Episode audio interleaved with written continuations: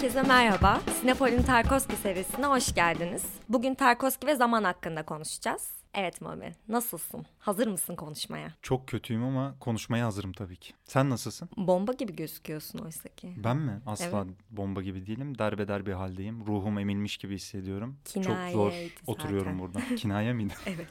Özür dilerim. Ben iyiyim bence. Nasıl duruyorum? Bence çok iyisin. Gerçekten dipçik gibi gözüküyorsun şu an karşımda. Teşekkürler. O zaman en sevdiğimiz bölümle başlamadan önce hiç hiç hiç Tarkovski'yi bilmeyenler için kısaca onun bir biyografisinden bahsedelim istersen Enzel. Bahsedelim. Şöyle, kendisi 4 Nisan 1932'de doğmuş. Yani Koç burcu. Başarılı insanlar genelde Koç burcu oluyor zaten. Mesela benim gibi. Abartma isterim. Koç burcu kendisi. Ay, bu bilgiyi niye böyle sevdiysem. ne yaparsanız Bilmiyorum. yapabilirsiniz bu bilgiyi. Evet. Ünlü şair Arseni Tarkovski'nin oğlu. Bu konuda avantajlı başlamış bence hayatına. Doğru bence de. Filmlerinde de zaten babasının şiirlerine yer verdiği sekanslar vardır. Evet. Eisenstein'dan sonra adı en çok duyulan Sovyet sinemacısı kendisi. Filmografisine bakacak olursak da 7 tane filmi var. Bu okuldaki projesi olan 1960'da Silindir ve Kemanı çekiyor. 7 tane filmi de 1962 yılında Ivan'ın çocukluğuyla başlıyor serüven. Hatta bu ilk filmiyle Venedik Film Festivali'nde ödül alıyor. Oradan sonra da zaten dikkatleri üzerine çekiyor. Aynen öyle. Sonra Andrei Rublev, Solaris, Ayna, Stalker ve Sovyet ideolojisiyle uyuşamadığı için Rusya'yı terk ettikten sonra çektiği Nostaljiya ve Kurban filmleriyle devam ediyor. 1986'da da Paris'te vefat ediyor zaten kanserden dolayı. O zaman e, bu sıkıcı Wikipedik bilgiler için çok teşekkür ediyorum sana. Ben teşekkür ederim. O zaman bölümler arası geçişlerimizi kolaylaştıracak olan o güzide zilimize ilk kez basalım mı Enzel'cim? Basalım. Sen mi basmak Birlikte istersin ben mi? basalım? Aynı anda basalım mı hadi? Tamam. 1, 2, 3. Ama, Ama çok kötü çok- bastık ya. Evet, tamam biraz sen bas. bir şey Olmadı. söyleyeyim benim zaten. Bu tecrübesizlikten senin elin delindi şu anda. Gerçekten elini deldik şu anda ama bas bakalım sen. Evet en sevdiğim bölüm. Benim de en sevdiğim bölüm Gereksiz kesinlikle. bilgiler. Tarkovski ile ilgili gereksiz bilgilerle başlıyoruz o zaman. Bu bölümde sizin böyle Tarkovski'ymiş, sinemaymış böyle bunlarla ilgili düşüncelerinize herhangi bir katkı sağlamayacak. Tamamen bir ortamda Tarkovski konuşuluyorken gidip kendinizi böyle entelektüel gibi pazarlayabileceğiniz birkaç böyle onun yaptığı işte hayatı boyunca sıçışlardan işte sinemasıyla alakalı anılarından falan birkaç tane örnek vereceğiz. Enzel sen gereksiz bilginle başlamak ister misin? İsterim. Ben Ayna filmine ilişkin bir anısından bahsedeceğim. Hadi bakalım o zaman. Şöyle Ayna filmini çocukluğunun geçtiği çiftlik evinde çekiyor. Hatta bu ev gerçekten harabeymiş. Bunu tekrardan diriltiyorlar eve bir şekilde. Bu evin önünde de yolla ara- arasında bir tarla varmış. Orada çocukluğuna dair hatırladığı kadarıyla kara buğdaylar hani ekiliymiş. Ve o kara buğdayları gerçekten hiç unutmadığını, o çocukluk anıları o evi düşündüğü zaman ilk aklına gelen şeyin kara buğday tarlası olduğunu söylüyor. Bu yüzden de kara buğday ekmek istiyor o evin önüne. Köylüleri de soruyor diyor ki hani buraya kara buğday ekmeyi düşünüyorum diye. Ekelim mi, eker misiniz diye. Köylüler de diyor ki ya diyor Allah aşkına buraya diyor yulaf diyor yonca dışında bir şey ekemezsin. yani. Cahil, şehir cahili. Tutmaz diyor yani İğrenç bu köylü toprak taklidi. toprakta diyor tutmaz. Tarkovski bunları dinlemiyor. Tarlayı kiralıyor. Kara buğdayları da ekiyor. Kara buğdaylar boylandıkça köylü tabii ki şaşırıyor yani. Nasıl kara buğday burada tuttu ya diye. Abi Nasrettin Hoca hikayesi gibi. Bu nasıl bir saçmalık? Ve Tarkovski de şey diyor. e, bu kara buğdayların tutması hani filmin başarısı için ön işaretti diyor. Hani bu kara buğdaylar gerçekten boylanmasaydı hani boy vermeseydi filmim acaba nasıl olurdu hani düşünemiyorum bile. Yine onu böyle tanrısal bir işarete hemen çevirmiş yani öyle algılama konusunda. Aynen manevi Şeyi biliyor musun? Nolan da e, Interstellar filmi için arabayla mısır tarlalarının içinden geçiyorlar ya. Evet. Oralar için bayağı bildiğin tarla falan satın almışlar. Mısır ekmişler sırf o görüntüyü yakalamak için. Mısır tarlası bulamamışlar çünkü. Yani o da bir ruh hastası olduğu için şaşırmadım. O zaman an. şey diyebilir miyiz? Bir otör, bir büyük bir sinemacı olmak için bir ziraat geçmişi ufak da olsa hani bir bahçe işi, tabii bir doğayla bir haşır neşir olma hali muhakkak gerekiyor herhalde. gerekiyormuş ki ekmişlerdi. Buradan da sinemaya yeni başlayan arkadaşlara bir önerimiz olarak gelsin o zaman. Gelsin. Ben de şimdi e, gereksiz bilgimden bahsediyorum o halde. Tabii. Benimki de Tarkovski'nin son filmi Kurban'la alakalı. Çok seviyorum bu hikayeyi, bayılıyorum. Aynı zamanda bu hikayenin Berk Nazlı diye biri var. Yanlış hatırlamıyorsam ismini. Evet. YouTube kanalı var beyefendinin. Orada direkt bu anın yaşandığı görüntüler canlı olarak veriliyor. Oradan da izleyebilirsiniz. Anlattıktan sonra zaten bulabilirsiniz yani. Kurban'ın finalinde tam filmin bütün duygularının böyle yoğunlaştığı bir tane sahne var. O sahnede de arkada e, filmin içinde geçtiği bir ev var. O ev yakılıyor. Tarkovski ve ekibi yakıyor. Sonra baş karakter de orada işte final sekansını tamamlayıp film bitecek yani. Çekmeye başlıyorlar filme. Ev yanıyor, yanıyor, ev kül oluyor. Hiçbir şey kalmıyor. Sonra kameramanlar geliyor Tarkovski'ye diyor ki kamera diyorlar tutukluk yapmış. Ya olamaz. Çekemedik. Yemin ederim sana. O bak o görüntülerde Tarkovski'nin bir suratı var böyle şey gibi annem gibi üzülüyor böyle şey diyor. Bizim yapacağımız iş bu kadar olur zaten falan diyor adam tamam? Abi sen bizim yapacağımız iş diyemezsin ya. Sen koskoca sinemacı Tarkovski'sin yani. Sen bizim gibi üzülemezsin diye düşünüyorum ama baya hani nasıl yapamazsınız bunu falan diye kameramanları kızıyor bilmem ne. Ama bir yönetmenin başına gelebilecek en korkunç Çok şey kötü gelmiş abi yani. başına. İnanılmaz kötü. Sonra zaten bunu da şöyle yapmış. Yeniden bir yapımcılarla konuşuyorlar. Ek bütçe ayarlıyorlar. Filmi 3 günde yeniden o görüntüyü alabilecekleri şekilde inşa ediyorlar. İnşa ettikten sonra yine tıpkı kara buğdayların boy vermesi gibi beyefendi bunu şuna bağlıyor. İşte Tanrı için insanlığın ne kadar büyük bir umutla çalışabildiğini göstermek açısından bize çok iyi bir örnek oldu bu bölüm falan diye anlatıyor bunu. Sevdin mi gereksiz bilgiyi? Ay çok sevdim. Kullanır mısın? Kullanırım tabii. Mesela ben bunu bunları- satarım bak. Bence de satılır bak. Bunları şey yapabilirsin. Tinder'dan ya da Okcupid'den falan biriyle buluşacaksın tamam mı işte. Gittin. Sinemayla ilgileniyor musun falan dedin karşındakine. O da ilgileniyorum. Tarkovski'yi çok severim dedi. Hemen anlat mesela birini. Oradan hemen böyle bir hafif şaka yollu. Böyle ben de Tarkovski biliyorum dedirtebilecek güzel hikayeler. Yani Tarkovski ile ilgilenen birinin Tinder'da bulmak biraz Niye? Büyük şans bence. Niye ya? Sen Tinder'ı ne zannediyorsun? Tinder'ı savunacağız bu, bu bölümde. Geçiyoruz diğer bölümümüze. Çok güzel basıyorsun. Evet. Biraz mütevazı mı olsaydın acaba? Hayır. Programımızın benim yine en çok sevdiğim ikinci bölümü olan Tarkovski ve Twitter bölümüyle devam edelim. Edelim. Hemen Bu bölümde de Twitter'da Tarkovski ile alakalı atılmış tweetlerden birkaçını seçerek sizler için çok özel bir seçki oluşturup sizlerle paylaşıyoruz efendim. Enzel'cim istersen sen tweetini okuyabilirsin. Evet, şimdi Güney Bir Tek adlı bir kullanıcı tarafından atılmış tweet'i okuyorum. Andrei Tarkovski isimli bir yönetmen keşfettim. İlginç biri, filmleri çok ağır işliyor. Altına da bir yorum gelmiş bak, Tufan Şimşek Can'dan. Okumak ister misin? Çok isterim. Sen önerince bakayım dedim bir filmine. Bu ne abi zulüm gibi. Üç adam var. Git git bitmiyor. Kapadım filmi. Yere batsın Tarkovski. Şöyle dişlerini gösteren gülücük emojisi koymuş. Sonra altına da Güney Bir Tek şey yaz. Solaris diye bir filmi var. Bir araba belki yarım saat otobanda gidiyor. Çok sıkıcı. Bıraktım o sahnede. Evet. Bu tweetle ilgili benim anlayamadığım bir nokta var. Şimdi Değil mi? Bu bir tuhaflık var burada. tuhaflık var bu işte. Güney, Güney bir tek şey diyebilir miyiz beyefendi? Bir Tarkovski aşığı diyebilir miyiz? Tabii ki. Deriz Denir yani. denir. Kendisi sinematopya yazarı. Aynı zamanda filmler ve fotoğraflar da çekiyor. Yönetmenlik girişimi de var diye biliyorum. Beyefendinin mesela 2015-2016'lı yıllarda Tarkovski ile ilgili yazıları var. Bayağı detaylı, Metiyeleri akademik var hatta. metiyeleri, çözümlemeleri, böyle şiirsel paylaşımları var bununla ilgili. Herhalde yeniden keşfettiğine göre unuttu.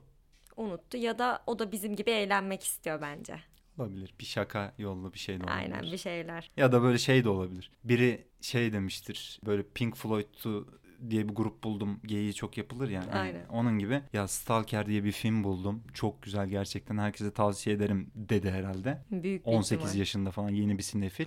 O da buna sinirlenip bu tweet'i görüp böyle bir şey atmak istedi. Tufan Bey de yoğun mizahıyla katkı yapmış. Birlikte. yapıştırır cevabı gibi bir şey olmuş zaten onunki. Bugün Nasrettin Hoca'dan ilerleme günümüz diyebilir miyiz? Yok kara buğday tuttu mu?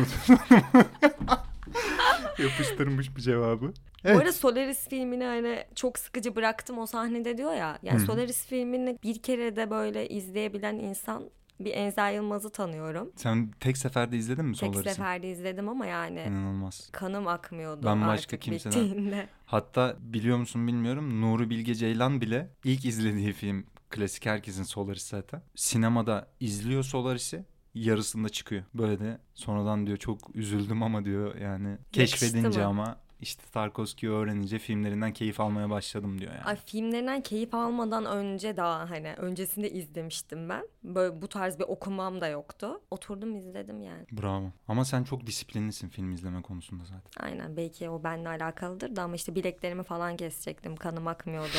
Enerjim sömürülmüştü.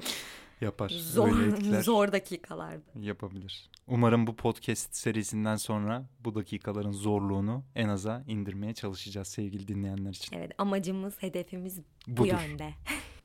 o zaman diğer bölümümüze geçelim mi? Geçelim ama bu kez ben basabilir miyim? Ben giriş yaptım sen bas. Koski'nin zaman hakkındaki görüşünü konuşmaya başlayalım. Başlayalım. Şöyle derinlemesine irdeleyelim ama aynı zamanda bu derinlikli irdelemeyi herkesin anlayabileceği şekilde yapmaya çalışalım. Hiç Tarkovski izlemeyen birinin de yani. Evet hiç Tarkovski izlemeyen birine sesleniyormuş gibi sesleniyorum şu an. Tamam. Tarkovski için zaman insanın beninin varlık koşulu. Tamam. Ne Bunu demek da bu? şöyle açıklayayım. Bu bizim bir şey yapmak için geçirdiğimiz o çizgisel zaman var ya. Normal Bu- bir süre akan 10 saniye, 1 dakika. işte Aynen. lineer bir zamandan bahsediyorsun. Evet. Tamam. Bu zaman sonucu getiren zaman. Ya sonuç. Sebep ve sonuç mu? Aynen. Nasıl bir şey? Bir örnek verebilir misin? bunun? Şöyle örnek vereyim. Bence cümleyi tamamlayıp örneği versem daha mantıklı. Tamam. Çünkü bu sonuç kısmıyla ilgilenmiyor zamanın. Çizgisel ilerleyen bir şey yapmak için ihtiyaç duyduğun zamanla ilgilenmeyip sana bu şeyi yaptıran zamanla ilgileniyor. Yani sonucu yaratan zaman. Atıyorum ben şu an bu bardağı buradan aldım ve buraya koydum. Tamam. Şu an bu yaptığım bir hareket. Hı hı. Bu hareket için geçen bir çizgisel zaman var. Ama ben bu harekete mesela sana sinirlendiğim için yapmış olsam ve o şekilde oraya koysam Hı hı. aslında bu hareketi yaptıran şey şu an sonucu yaratan benim burada sinirleniyor olmam değil mi? Evet. Benim ilgilendiğim zaman da bu insanın iç dünyasıyla ilgili hani Bu ilintili içsel olan zorunluluğu, bu hareketi yaptıran o içsel zorunlulukla ilişkili olan zamanı il- ilgileniyorum diyor Aynen. aslında. Bu çok basit bir örnek oldu tabii. Evet. Yani kısaca sonucu yaratan zamanla ilgileniyor. Tamam. Sonuç olan zamanla ilgilenmiyor. O yüzden manevi bir kavram olarak ele almamız gerekiyor burada zaman. Bu içsel zorunlulukla alakalı olduğu için de maneviyattan bahsediyoruz. Aynen yani zaman onun için bir durum aslında. Mesela tarih, evrim bunlar diyor kendini devam ettiren şeyler ama zaman böyle bir şey değil onun için. O durumda kalma, o durum daha demin anlattığım gibi hani sinirlendiğim için o bardağı oraya koydum. Bu sonucu yaratan bir şeydi. Burada filmlerinde de yani sinemasında da ilgilendiği zaman kavramı çıkış noktası böyle basite indirgenecek şekilde bu aslında. Buradan yola çıkarak şimdi biraz e, şeyi konuşalım. Sinemasında bunu nasıl kullanıyor? Nelerden besleniyor meselesine biraz konuşalım. Şundan bahsedelim önce. Şimdiki zaman ve geçmiş zaman ayrımından bir bahsedelim. Zaten gelecek zaman üzerine film teorisi içerisinde konuşmuyor. İki zaman diliminden bahsediyor. Birincisi şimdiki zaman. Aslında Tarkovski şimdiki zamanla ilgilenmiyor. Aynen onun beslendiği nokta geçmiş. Evet. Bunu da şöyle açıklıyor. Şimdiki zamanı kavramak çok zordur. Şimdiki zaman bizim elimizden böyle yıvık bir şekilde akıp gider. Zaten onu yakalayıp tutmak, onunla ilgili bir onu bir form vermek, onu şekillendirmeye çalışmak çok zor. Gerçekten de zor yani. Bugün hani bu kadar anı yakala, anı yakala baskısı da bundan ya yani onu yapmaya çalışma işte bir sürü mentorlar falan gelişti bununla ilgili. Hakikaten çok zor. Anda kalma meselesi kavramak da bunu inanılmaz güç bir şey. Aslında şöyle bir şey diyebiliriz bence Tarkovski için. Anı yakala değil de an seni yakalasın gibi bir noktada bence. Şimdiye baksa sanki böyle bakarmış gibi Hocam hissediyorum çok ben. çok iyi açıkladım bence de yani. Bunu öznelleştirip hani bireyin anı yakalamasındansa zaten zaman bir kütle gibi akıp giderken onun içerisinde bir anı bulma gibi. O anla Evet. hemhal olma diyebiliriz bence de. Şimdi burada bir de şeyi söylemek istiyorum. Geçmiş zaman nasıl anla ilişkisi var? Şimdi biz bu yakalayamadığımız, kavrayamadığımız şimdiki zamanı nerede bilincimizde bir berraklaşıyor? Geçmiş zamanda. Bu da ne aracılığıyla oluyor? Anılar aracılığıyla. Yani bizim yaşadığımız bir takım olaylar anılar olarak bizim geçmişimizde birikiyorlar ve bunlar bize bölük pörçük böyle amorf bir yapıda gelip bize geçmişte yaşadığımız bu olaylara ilişkin bir takım duygular hissettiriyorlar. Ve bu duygular aslında senin az önce o bardağa ve sinirlenme örneğini verdiğin için söylüyorum. İçsel zorunlulukla alakalı direkt ilişkili zaten. Bunu da bir sonraki bölümde rüyalarda bu içsel zorunluluk meselesini form olarak yani nereye dayandırdığını çok derinlemesine inceleyeceğiz zaten. Şimdi bu anılar bizim için çok önemli. Çünkü dedin ya sen benliğimizi oluşturan varlık sebebimiz bunlar. Bu anılar olmazsa zamanı da duyumsayamayız. Zamanın bizim için nasıl aktığını da bilemeyiz ve bu anılar bizim geçmişimizde yaşanıyor. O yüzden aslında hakikat sinemasal hakikat dediği şey zaten mesele bu yani. Hani sinemasal hakikati biz nasıl yaratacağız? Hakiki imgeyi nasıl bulacağız? Bütün bence sinemacıların uğraşmaya çalıştıkları şey bu çerçevede dönüyor aslında. Özellikle Tarkovski için tamamen böyle. Tamamen bu yani. Hani nasıl ben bu hakiki imgeyi nasıl yakalayacağım ve bu sinema diliyle özgün bir şekilde, sinema diline özgün bir şekilde nasıl yapacağım bunu yani? Ve gerçekle yapmak da istemiyor bunu aslında. Evet zaten şimdiki zamanın bu reel hani rasyonel gerçekliği içerisinde, çizgisel zamanın içerisinde yapmayı kesinlikle istemiyor zaten. Bunu da hatta Tarkovski biz nasıl bunu yadırgatıcı kılmaya çalıştığını ve aynı zamanda hakiki kılmaya çalıştığını aynı anda bunun biçimsel e, metodunu yine değineceğiz zaten derinlemesine. Şimdi biz dedik ki geçmişimiz var. Geçmişten bir şeyler duyumsuyoruz. Anılarla beraber onlar bize geliyorlar. Bu anılar aslında bir de şöyle bir yanı var. Her kişiye özgü bu anıların yarattığı duygular. Tıpkı bir parmak izi örneğini mesela bununla özdeşleştirebiliriz yani. Tabii ki bunlar tipik olarak benzeşebilirler. Zaten Tarkovski'nin filminde de çok ele aldığı mesela temalar var. Ne bunlar? Anne çocuk ilişkisi, ebeveyn ilişkileri yani çocukla ya da e, romantik ilişkiler, aşk ilişkileri. Bunlardaki yaşadığımız pişmanlıklar ya da çektiğimiz acılar, mesela vicdani sorumlulukları bunların ya da bizim toplumsal olarak da tüm bu cemaate karşı sorumluluğumuz ve bu sorumluluğu yerine getiremeyişimiz bu temalar zaten e, geçmişiyle, anılarıyla bağdaştırdığı Tarkovski'nin de ve buralardan beslendiği filmlerine e, koyduğu temalar. Bunlar tematik olarak benzeşebilir. Hepimizin hayatında zaten bu tipik örnekler vardır. Zaten biz o vesileyle aslında Tarkovski'nin filmlerine ortaklık edebiliyoruz duygusal olarak yani. Ama bizim burada yaşadığımız duygular kendimize özgü ve aslında insanlara çok da böyle kavramsal olarak açıklamamızın çok da mümkün olmadığı şeyler. O yüzden zaten sinemasal imgeyle aktarmak bunları çok daha güçlü imaj yaratıyor bizde. Şimdi burada bizim geçmişimizde yitirdiğimiz bir zaman var. Bu zamanı anılarla biz aslında kavruyoruz. Bir de bunu sinemayla da aslında bir ilişkisi var bu yitirilmiş zamanın. Ondan nasıl anlayabiliriz, nasıl örneklendirebiliriz bunu? Aklıma şu soru getirdi ister istemez. İnsan neden sinemaya gider? Tarkovski bunu şöyle açıklıyor. İnsan kaybettiği, yitirdiği ya da hiç yakalayamayacağı zamanı deneyimleyebilmek için sinemaya gider. Hatta bu vasıtayla deneyimlerini zenginleştirir diyor. Çok güzel ve bu bir tanımlama aynı zamanda sinemayı diğer sanatlardan ayıran en önemli özelliğine getiriyor bizi. Sinemayı e, sinemanın zamanı hapsedebilme özelliği. Hatta Numara Kardeşlerin Tren Geliyor filmi ilk sinema filmi diye geçiyor. Böyle trenin geliş sahnesiyle ilişkin böyle garda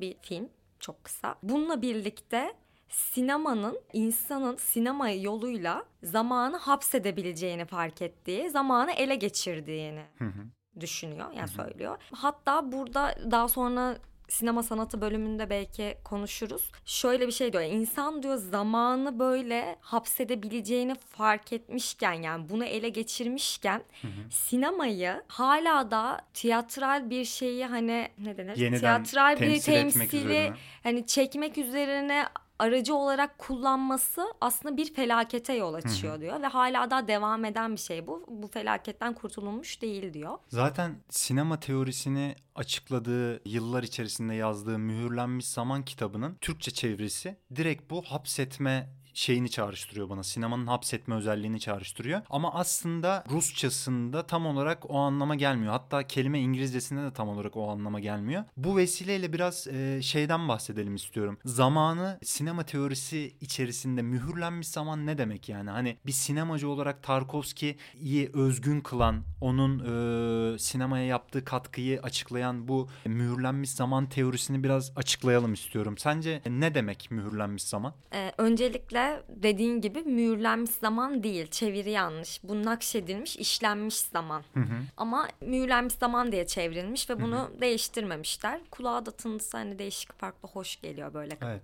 Farklı Ama bir kavram gibi. çağrıştırdığı şey tam olarak Tarkovski'nin yapmaya çalıştığı şeyi anlatmıyor. Sanki böyle bir sonuç sonuçlanıyormuş gibi bir şey çağrıştırıyor. Rusçadaki işlenme nakşetme dedin değil mi? Evet. Hatta İngilizceye de sculpture in time diye çevirmişler. O da mesela böyle bir şeyi çağrıştırıyor ya. Heykelle alakalı böyle bir yontma halini çağrıştırıyor. İstersen biraz bu yontma meselesinden bahsedelim. Evet, otör bir sinemacının bir heykeltıraş gibi zamanı yontması gerektiğini düşünüyor. Yani bir heykeltıraş gibi bir mermeri alıp koca bir zaman kütlesini alıp bunun gereksiz kısımlarını ayıklayarak ortaya bir ürün çıkartmak. Peki bu mermerin sinemadaki karşılığına dair bir örnek verebilir misin bize? Şöyle ideal bir filme dair bir düşüncesi var Tarkovski'nin.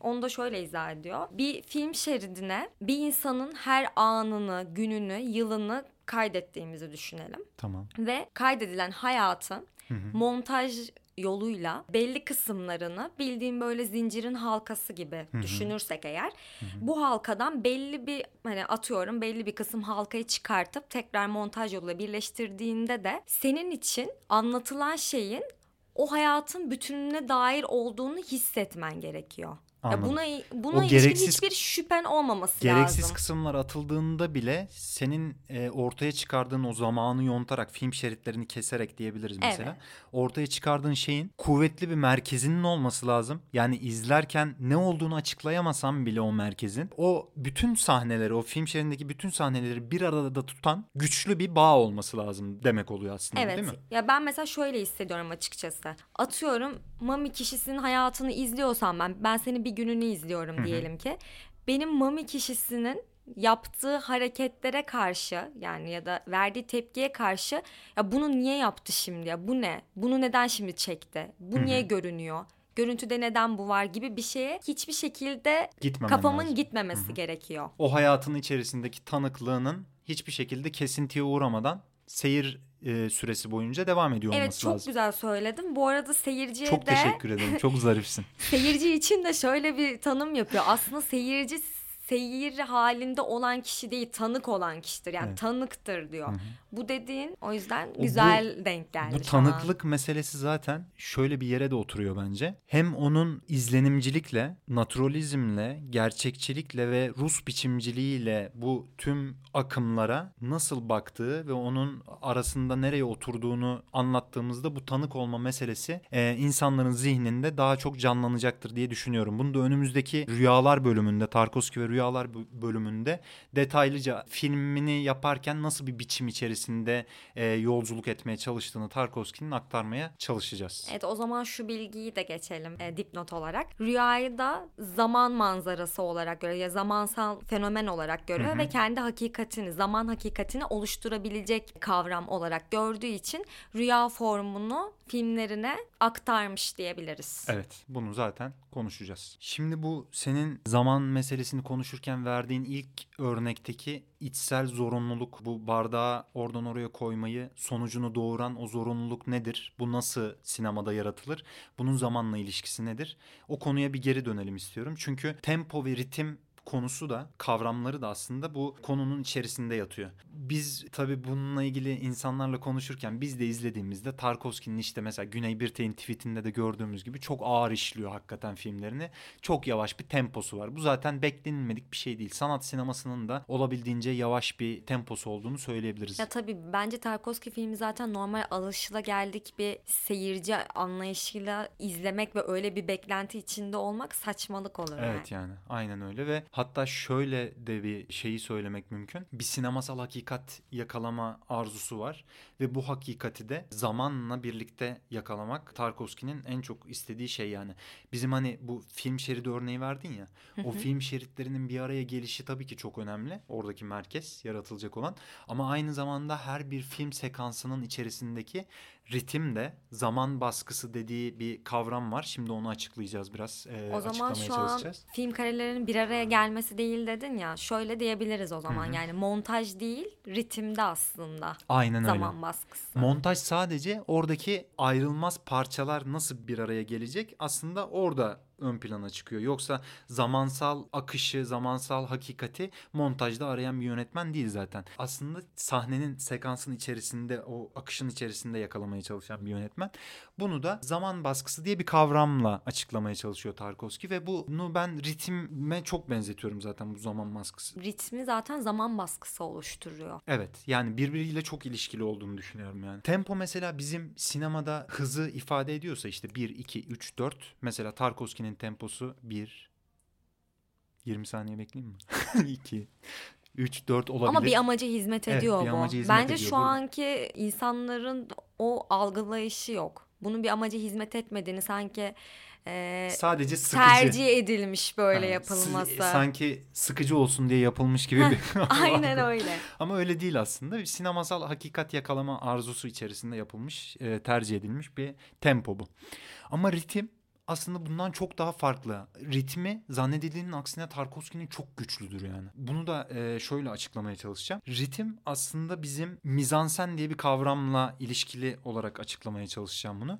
Mizansen dediğimiz sinemada da tiyatroda kullanılan bir kavram var. Bu kavram sahnelenen mekandaki her bir nesnenin, her bir oyuncunun birbiriyle olan ilişkisi uzam içerisinde, boşluk içerisinde mesafesel anlamda ilişkisinin e, düzenlenmesini ifade eden kavram. Şimdi bu mizansen içerisinde yapılan bütün oyuncu hareketleri, nesnelerin yer değiştirmesi, dış sesler, işte yağmur sesleri, araba sesleri, efendime söyleyeyim e, sütün boşaltılması anındaki o bardağın masaya vurulup devrilip işte bardağın yuvarlanma sesleri, oyuncuların vurguları, kullandıkları bütün diyaloglardaki ses tonları ve, Ve kamera hareketleri. Birçok şey. Ve kamera miyiz? hareketleri. Hayır bunların hepsi aslında bu ritmin, bu zaman baskısının yaratılmasında kullanılan unsurlar. Ve bunlar Tarkovski'de hiçbir zaman durağan böyle bir şekilde yani sadece bir sekansta hiç işte kamera hareketi olmadan ölü gibi insanların olduğu hiçbir şeyin böyle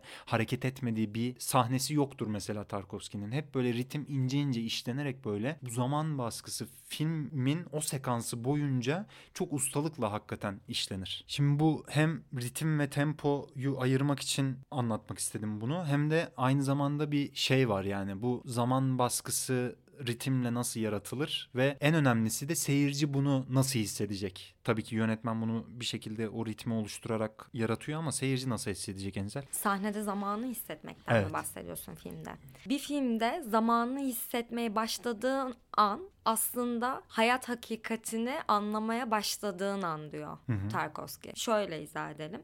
Bir filmi izliyorsun diyelim ki. Tamam. Bir görüntü var. Bu görüntüyle buluştuğun an aslında zamanın başladığı an değil. Görüntüye dair o görüntünün oradan taşıp hayatı ima etmeye, hayatın kendisini ima etmeye başladığı andan itibaren sen zamanı hissetmeye başlıyorsun. Yani orada bir oyun atıyorum. Bir karakter bir yerden bir yere yürüyor. Bu senin için aslında orada zamanı hissettirecek bir şey değil. Ama o karakterin benim anladığım kadarıyla tabii. bu arada o karakterin ne amaç için yürüdüğünü hissettiğin an ki bu da bence hayatın hakikatine hani imada bulunan an diye düşünüyorum. Yine o içsel zorunluluktan bahsediyorsun. Onu keşfetme anından bahsediyorsun. Evet yani hayatın kendisine doğru taşan bir noktada zamanı hissetmeye başlıyorsun. O kadar güzel anlattın ki hayranlıkla dinledim ya. Ay şaka yapıyorsun. Hayır çok ciddiyim. Teşekkür ederim. Ben teşekkür ederim. Ee, zaman kavramı üzerine bence terminolojik bir çerçeveyi oturttuk. Zaten bunu yapma sebebimiz de şimdi bir sonraki bölümlerde işte rüyayı ve sinema sanatının nasıl ele alındığını konuşacağız Tarkovski açısından. Ya bunları da anlayabilmek için Tarkovski'nin zamana bakış açısını kesinlikle biliyor Evet. olmak gerekiyor. Hatta bence zamana olan bakış açısını bilmeden bir Tarkovski filmini izlemeyi hani deneyimlemek ve Çok zor, sonrasında izlemeyi deneyimlemek arasında Dağlar kadar fark dağlar var. kadar fark var. Aslında buna karşı bu arada zavallı materyalist Marx atıfta bulunarak kitabında. Abi kitabında hakikaten sürekli Marx'tan böyle yazamaz ya. Marx'ın- Marx'ın. Marx'ın görüşü yanlış söylüyorsam beni düzelt. Hani sanat hakkında bir düşüncen olmalı ki sanat dair hani bir haz almaya başla gibi bir hani o anlama gelen bir sözü var galiba. Hiç hatırlamıyorum bilmeden ama şöyle bir entelektüel bir, şeye- birikimin olmadan yani sanattan haz heh, biraz doğru, zor diyor. doğru. Şey diyor sanata tanıklık ederken onunla ilgili okumalar yapman gerekir Evet. gibi bir şey söylüyor. Burada ben mesela okuduktan sonra ve okumadan önceki Enzel'i düşünüyorum filmi izleyen. Çok fark var ve gerçekten zamanı hani karşı duruşunu ve bakış açısını bildikten sonra ben saygıyla önünde eğiliyorum. Ben de beyefendiyi hem nefret ediyorum kendisinden hem de saygıyla önünde eğiliyorum. Ben nefret edemiyorum. Nasıl etmiyorsun ya aşırı kibirli biri. Kibirli, e, onun dışında bir sürü konudaki görüşleri asla benle uyuşmuyor ama edemiyorum. Seviyorum seni. O da senin Tarkovski. yüce gönüllülüğünmüş benzer. O zaman bu zaman bölümünü kapatalım. Kapatalım. O zaman zile basalım mı? E, ikimiz basmayalım elin deliniyor. Basıyorum. Bas. Harika. Harika bir tınısı var. Müthiş. Ve programımızın diğer alt bölümlerinden olan Tarkovski'ye gelen mektuplarla devam edelim. İlk ben müsaade edersen Tarkovski'ye gelen mektubumu okumak istiyorum. Şimdi Tarkovski Ayna filmini yaptıktan sonra Enzel'in bu kara buğdaylarla ilgili örnek verdiği beyefendinin çok sevdiği filmini yaptıktan sonra mektup bombardımanına tutuluyor. Çünkü seyirci de eleştirmenler de aslında ikiye bölünüyorlar. İşte bu kadar insanın öznel bir hayatının anlatıldığı bir film nasıl işte sanatta ner- nerede bir yer tutuyor? Ya da bize bunu neden anlattı? bize bunu neden anlatıyor gibisinden bir tartışma Ki ortaya çıkıyor ve bence. bununla ilgili de bence kesinlikle haklılar. Değiller. İkiye bölünüyor seyirci. Biz de bu konuda Enzel'le ikiye bölündük zaten. Aynen. Şimdi ben Tarkovski'ye gelen olumsuz mektuplardan bir tanesini tabii ki okumak istiyorum. Aynayla ilgili. Üzülerek dinleyeceğim şu an. Leningrad'dan bir inşaat mühendisi yazmış. Filminiz Aynayı seyrettim. Filmin içine birazcık olsun sokulabilmek, filmi az da olsa anlayabilmek, kişileri, olayları, anıları birbirine bağlayabilmek için kendimi içtenlikle zorlamaktan ilk yarım saatte başıma ağrılar girdiyse de sonuna dek seyrettim. Görüyor musun saygıyı bak? Hani başına gir, ağrı girmesine rağmen adam bırakmamış yani. Biz zavallı seyirciler güzel filmler de izleriz. Kötü hatta çok kötü filmlerde. Sıradan ve çok özgün filmlerde. Ama bunların tümünü bir şekilde anlayabiliriz. Kiminden heyecanlanırız, kimi sıradanlığıyla unutulur gider. Ama bu bu derken ayna. Ee, sevgili inşaat mühendisi bey. İnşaat Lütfen. mühendislerine bir şey söyletmem. Benim ayrıca çok büyük sempatim vardır inşaat mühendislerine. Lütfen bir Sovyet işçisine de saygın olsun aynı zamanda. O zaman ben de sana cevaben Gorki'den bir kadın seyircinin yazdıklarını okumak istiyorum. Hadi oku bakalım. Büyük bir coşkuyla okuyacağım. Hı hı. Ayna için teşekkürler. Benim de aynen öyle bir çocukluğum oldu. Ama siz bütün bunları nasıl öğrendiniz? Bakar mısın kadındaki coşkuya? aynen öyle bir rüzgar fırtına vardı. Kalk kediyi dışarı at diye bağıran ninemin sesi. O da karanlık. Gaz lambası da sönmüş. Anne yolu gözlemekle kabarmış yüreği bir çocuğun. Ay kıyamam. Çocukta bilincin uyanması ne güzel anlatmışsınız filmlerinizde. Tanrım bu o kadar doğru ki biz gerçekten de annelerimizin yüzleri nasıldı bilmiyoruz ve her şey ne kadar yalın. Biliyor musunuz o karanlık salonda yeteneğinizin ışığıyla aydınlanmış o perdeye bakarken hayatımda ilk kez yalnız olmadığımı duyumsadım. Hanımefendi abartmayın lütfen ya. Nasıl hayatında ilk kez alt tarafı bir 90 E, dakikalık bir film izledin ya.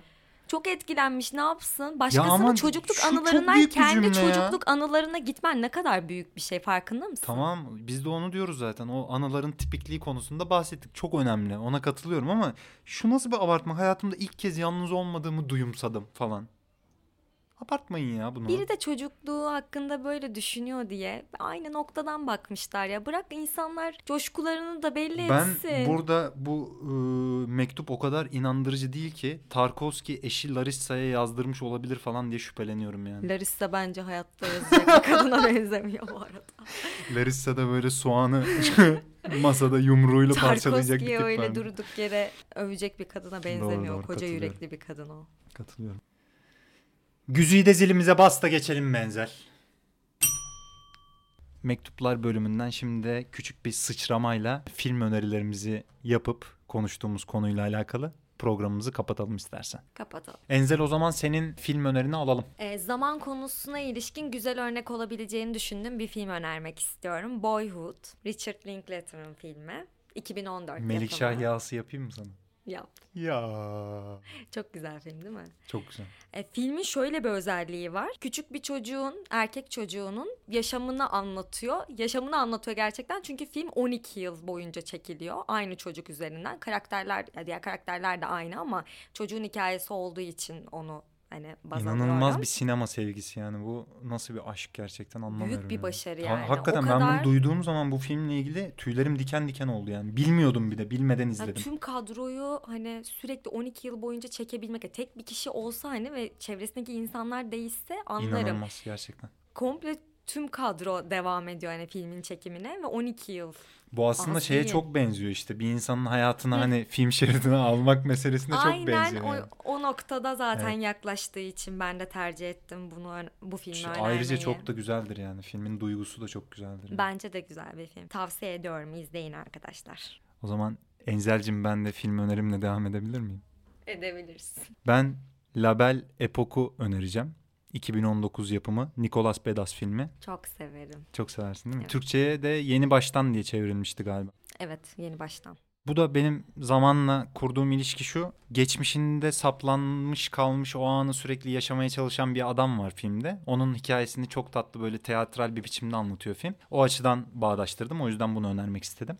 Ama bundan bağımsız da hem Boyhood'u hem de şeyi hala izlemeyen varsa işte bu filmi de yeni baştanı muhakkak izlesinler diyelim. Ve noktalayalım mı? Noktalayalım. O zaman bir sonraki podcast'imizde görüşmek üzere. Görüşmek üzere.